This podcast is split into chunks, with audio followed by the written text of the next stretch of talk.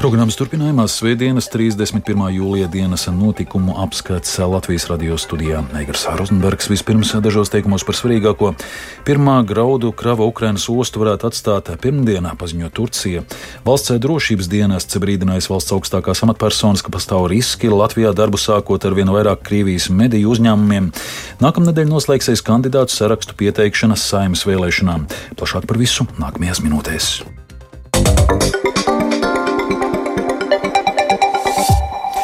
Ukrainai gatavojoties atsākt graudu eksportu no ostām, Turcija paziņojusi, ka pirmā graudu krava Ukrainas ostu varētu atstāt jau rīt. Tikmēr kārtējā Krievijas armijas apšaudē Mikolaivā miris lielākā Ukrainas graudu tirdzniecības uzņēmuma vadītājs.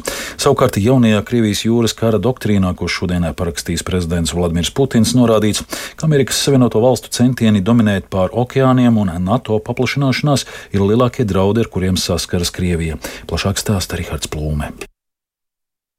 Turpinoties Krievijas armijas civilo objektu apšaudēm Ukrainā, sestdienas naktī cietusi arī Mikolaiva. Mikolaivas mērs Aleksandrs Senkevičs sacīja, ka tā iespējams bijusi līdz šim smagākā Krievijas apšauda pilsētā.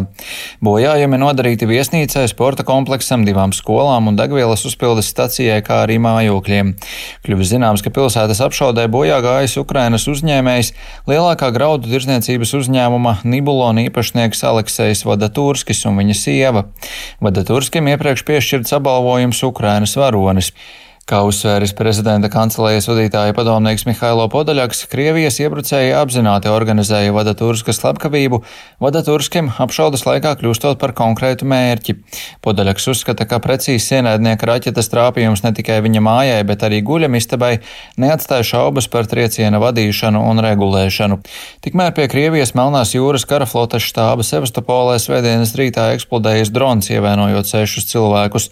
Tas bijis paštaisīts un aprīkots ar mazas lielas jaudas sprādzienu bīstamu ierīci, vēsta Krievijas ziņu aģentūras. Drošības apsvērumu dēļ pilsētā atcelti visi svētku pasākumi par godu jūras spēku dienai. Ukraina noliedza, ka būtu veikusi uzbrukumu Melnās jūras flotes štābam anektētajā Krimā. Krievijas prezidents Vladimirs Putins svētdien jūras flotes parādē Sanktpēterburgā parakstījis jauno Krievijas jūras kara doktrīnu. Утверждена также и новая морская доктрина России. Ir apstiprināta Krievijas jaunā jūras doktrīna. Mēs esam atklāti iezīmējuši Krievijas nacionālo interešu robežas un zonas, gan ekonomiski, gan vitāli strateģiski. Pirmkārt, tie ir mūsu arktiskie ūdeņi. Melnās, Ohotskas, Beringa jūras, Baltijas un Dienvidu Kuriļu jūras šaurumu ūdeņi Mēs nodrošināsim to aizsardzību stingri un ar visiem līdzekļiem. 55 lapušu garajā dokumentā norādīts, ka galvenie izaicinājumi un draudi Krievijas nacionālajai drošībai un attīstībai ir Vašingtonas strateģiskais mērķis dominēt pasaules okeānos un NATO militārā infrastruktūra, kas tuvojas Krievijas robežām. Doktrīnā teikts, ka Maskava centīsies nostiprināt savas vadošās pozīcijas Arktikas un tās derīgo izrakteņu izpētē un uzturēt tur strateģisko stabilitāti, stiprinot ziemeļu un klusā okeāna flotu potenciālu. Dokumentā arī minēta Krievijas vēlme caur valsts Arktikas piekrasti izveidot drošu un konkurētspējīgu jūras ceļu no Eiropas uz Āziju, kas pazīstams kā Ziemeļaustrumu pāreja, un nodrošināt tā darbību visa gada garumā. Visbeidzot, Turcijas prezidenta biroja pārstāvis Ibrahims Kalins svētdien izteicies, ka pastāv liela varbūtība, ka pirmais kuģis ar Ukrainas graudu kravu pirmdien varētu atstāt Odesas ostu. Kalins norādījis, ka pirmais kuģis varētu iziet no ostas rīt no rīta, ja viss līdz šim vakaram tiks sakārtots sakārtots. Turcijas amatpersona minēja, ka sagatavošanās darbi ir sasnieguši punktu, lai ļautu kuģiem atstāt Odesas ostu. Kuģi ir iekrauti, tie ir gatavi izbraukšanai, taču ir nepieciešama laba loģistikas koordinācija. Vienlaikus viņš atzinis, ka sarunās ar Krieviem vēl ir viens vai divi jautājumi, kas jāatrisina. Ankara paziņoja, ka graudu eksporta atsākšana apspriesta arī Turcijas un Ukrainas aizsardzības ministru sarunās. Rihards Plūme, Latvijas radio.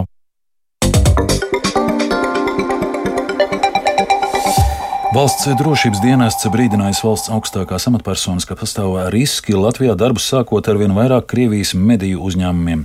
Kopš Krievijas sāktā kara uz Latviju no agresoru valsts emigrējuši vairāk nekā 200 Krievijas žurnālisti un 23 mediju organizācijas. Daļa no tām arī oficiāli sākušas darbu no Rīgas, lai turpinātu informēt Krievijas sabiedrību arī par notiekošo karu Ukrainā. Ko darīt Krievijā vairs nav iespējams tur pieņemto likumu dēļ. Tikmēr valsts drošības dienests rakstiskā skaidrojumā Latvijas radio norāda, ka vērtē informatīvajā telpā notiekošo kontekstā ar pašreizējo ģeopolitisko situāciju un Krievijas agresīvo karu Ukrainā. Valsts drošības dienests pastāvīgi vērtē riskus, kas izriet no Krievijas mērķiecīgiem un sistemātiskiem centieniem ietekmēt informatīvo telpu un mediju darbību. Valsts drošības dienests ir informēts par Krievijas neatkarīgo mediju uzsākto darbu Latvijā. Varam arī norādīt, ka šajā sakarā dienests ir identificējis riskus gan Latvijas informatīvās telpas drošībai, gan izlūkošanas riskus, kas saistīti ar to, ka mediju darbība tradicionāli bijusi Krievijas spēcdienestu interešu lokā. Par šo visu drošības dienests ir informējis valsts augstākās amatpersonas. Administratīvajā tiesā iesniegta prasība par valsts līguma atcelšanu ar uzņēmumu Nordeka, kas paredzētajā laikā nav uzsācis pasažieru pārvadājumus Cēsu, Limbažu un Siguldas reģionos. Uz to uzstāja līdzinējais pakalpojums sniedzējs uzņēmums CATA, kuram pasažieru pārvadājumi šajos maršrutos uzticēti vēl vismaz gadu. Pēc tam, kad uzņēmums Nordeka nav paguvis līdz jūlijam sagādāt un sagatavot autobusus, arī autotransportam direkcija iepriekš apsvēra līguma laušanu. Tā vietā noslēgt vienošanās ar Nordeku par līguma izmaiņām. Vairāk skaidrs skaidro direkcijas pārstāvis Viktors Zaķis. Man jāatzīmē, ka Nordeka par to ir ļoti saulēcīgi informējusi, ka gan Covid-19 infekcijas sakarā, gan arī šīs ģeopolitiskās situācijas sakarā ir aizkavējušos šo te autobusu būvniecību. Tie autobusi ir pasūtīti, mēs esam par to pārliecinājušies arī grāmatvedīski, jā. Ir veiktas priekšapmaksas, šis process viss notiekās, bet diemžēl šo te ārējo apstākļu rezultātā nav notikuši šo autobusu tātad piegāde Nordekai noteiktajos termiņos. Nu, mēs šobrīd neredzam, teiksim, pamatotu iemeslu laust līgumu un tā, jo principā faktiski tas sagatavošanās process var būt arī garāks. Tas nav nekāds pārkāpums šajā gadījumā. Viņi jau vēl nesāk līgumu. Vienkārši tas sagatavošanās periods, kas sākumā bija noteikts uz gadu, tagad viņš ir pagarināts vēl par gadu. Nākamnedēļ noslēgsies kandidātu sarakstu pieteikšanas saimas vēlēšanām. Līdz šim reģistrēti 13 politisko spēku saraksti. Uz vienu deputātu krēslu kandidē 14 gribētāji, no kuriem tikai trešā daļa ir sievietes. Nākamajā nedēļā saimas komisija arī turpinās spriest, vai likvidējama Latvijas-Krievijas savienība. Savukārt publiskajā telpā ar vien biežāk dzirdēsim bažas par jau pašlaik lieliem gāzes rēķiniem un dabas gāzes piegādes riskiem ziemā. Par citiem nākamās nedēļas notikumiem klausieties Sintīs Ambotas ierakstā. Sākot ar augustu, ārstniecības iestādēm epidurālā anestēzija dzemdībās ir jāsniedz par valsts līdzekļiem. Tajā skaitā, ja vēlmi par atsāpināšanas pielietošanu izteikusi pati sieviete. Pašlaik spēkā ir saraksts, kuros gadījumos grūtniecei pienāks valsts apmaksāta atsāpināšana pēc ārsta pieprasījuma, bet no 1. augusta to atcels. Gadījumā, ja līdz 1. augustam sievietei ir atteikta valsts apmaksāta epidurālā atsāpināšana un tā sniegta kā maksas pakalpojums, bet ir aizdomas, ka maksājums pieprasīts nepamatoti, iespējams vērsties ar iesniegumu Nacionālajā veselības dienestā. Tāpat 1. augustā noslēdzas depozīta sistēmas ieviešanas pārejas posms, un veikalos vairs nevarēs tirgot sistēmā iekļautos dzērienu iepakojumus bez depozīta zīmes. Atsevišķi tirgotāji iepriekš Latvijas radio atzina, ka daļu nemarķēto iepakojumu nepagūs iztirgot, tikmēr daļa veikalu jau kopš maija nepieņem produkciju bez depozīta marķējuma. Turpina depozīta iepakojuma operatoru pārstāvis Mikls Stūrītis par šādu attiecīgi nemarķēta iepakojuma tirzniecību. Iespējams, attiecīgi uzlikt administratīvo sodu. Vienlaikus, protams, ir jāatcerās arī tas, ka nu, ir uh, iepakotāji, kuri iepakojumu ražo vai laiž tirgu nelielos apjomos, ja proti līdz 150 kg gada laikā. Nu, tātad tie ir nelielie ražotāji. Tādos gadījumos depozīta sistēma nav obligāta. Ja, tā kā nu, nevar teikt, ka neviena buļģiņa ar kaut vai ar alu vai amatālu, ja, nevarēs būt tirgū bez depozīta zīmes. Tātad nišas produkti, ja specifiskos veikalos, bet nu, tad var atrasties tāda situācija. Protams, arī viņi brīvprātīgi var pievienoties depozīta sistēmai. Savukārt ekonomisko lietu tiesa 4. augustā sāks iztiesāt kriminālu lietu pret būvnieku karteļu dalībnieci Sijā Velve par teju 4 miljonu eiro zaudējumu atlīdzināšanu Rīgas domē. Konkurences padome pirms gada par būvniecības iepirkumu slēptu sadalīšanu savā starpā sodīja desmit uzņēmumus, kopumā liekot tiem samaksāt ap 16 miljonu eiro lielu naudas sodu. Tikai būvkompānija Velve vainu ir atzinusi, taču uzņēmums miljonos mērāmos zaudējumus pašvaldībai atsakās sekt, tādēļ Rīgas doma vērsusies pret būvkompāniju tiesā. Tikmēr pašvaldībām līdz nākamās nedēļas beigām vidas aizsardzības un reģionālās attīstības ministrijai jāiesniedz izstrādātos rīcības plānus okupācijas varu slavinošu objektu demontāžai. Ministru kabinets identificēs 69 padomju un nacistisko režīmu slavinošus objektus, kuru demontāžu jāveic nevēlāk kā līdz 15. novembrim. Sinti Ambote, Latvijas radio.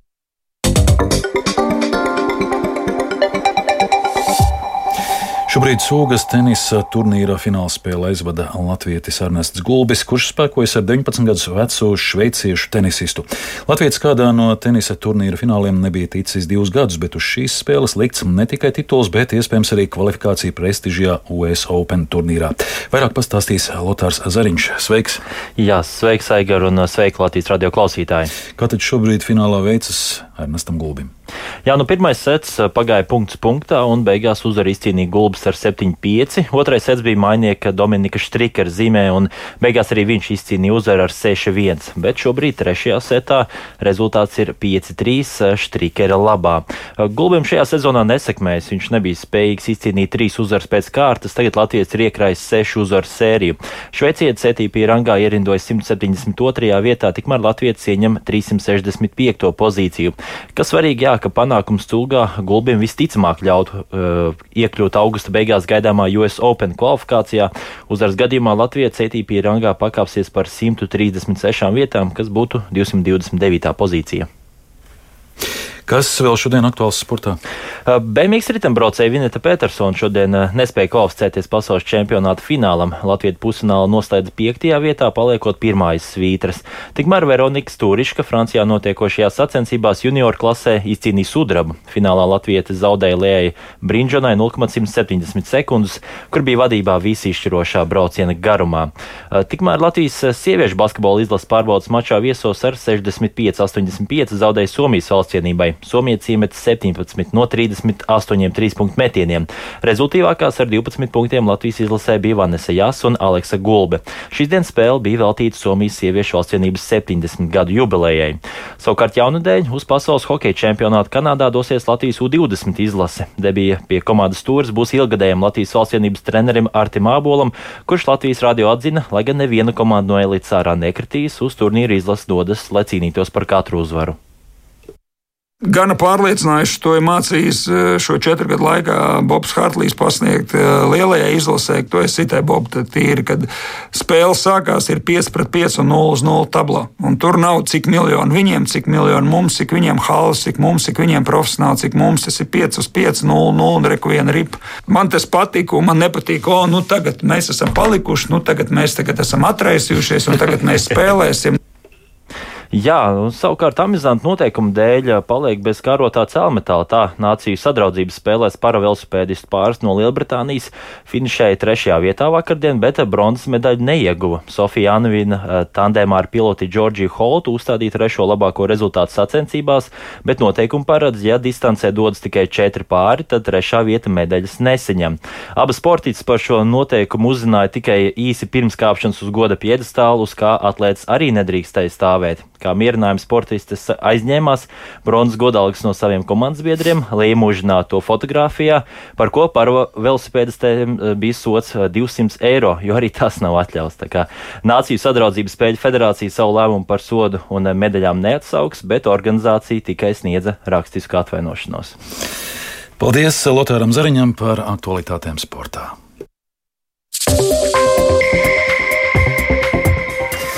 Dzirdējāt 31. jūlija dienas notikuma apskatu. Producents Edgars Kupčs par skanējumu rūpējās Rita Karnača un Uldis Grīnbergs. Studijā Egars Rozenbergs vēlreiz par svarīgāko. Pirmā graudu krava Ukrainas ostu varētu atstāt pirmdien, paziņo Turcija. Valsts drošības dienests brīdinājis valsts augstākās amatpersonas, ka pastāv riski Latvijā darbus sākot arvien vairāk Krievijas mediju uzņēmumiem. Nākamā nedēļā noslēgsies kandidātu sarakstu pieteikšana saimas vēlēšanām.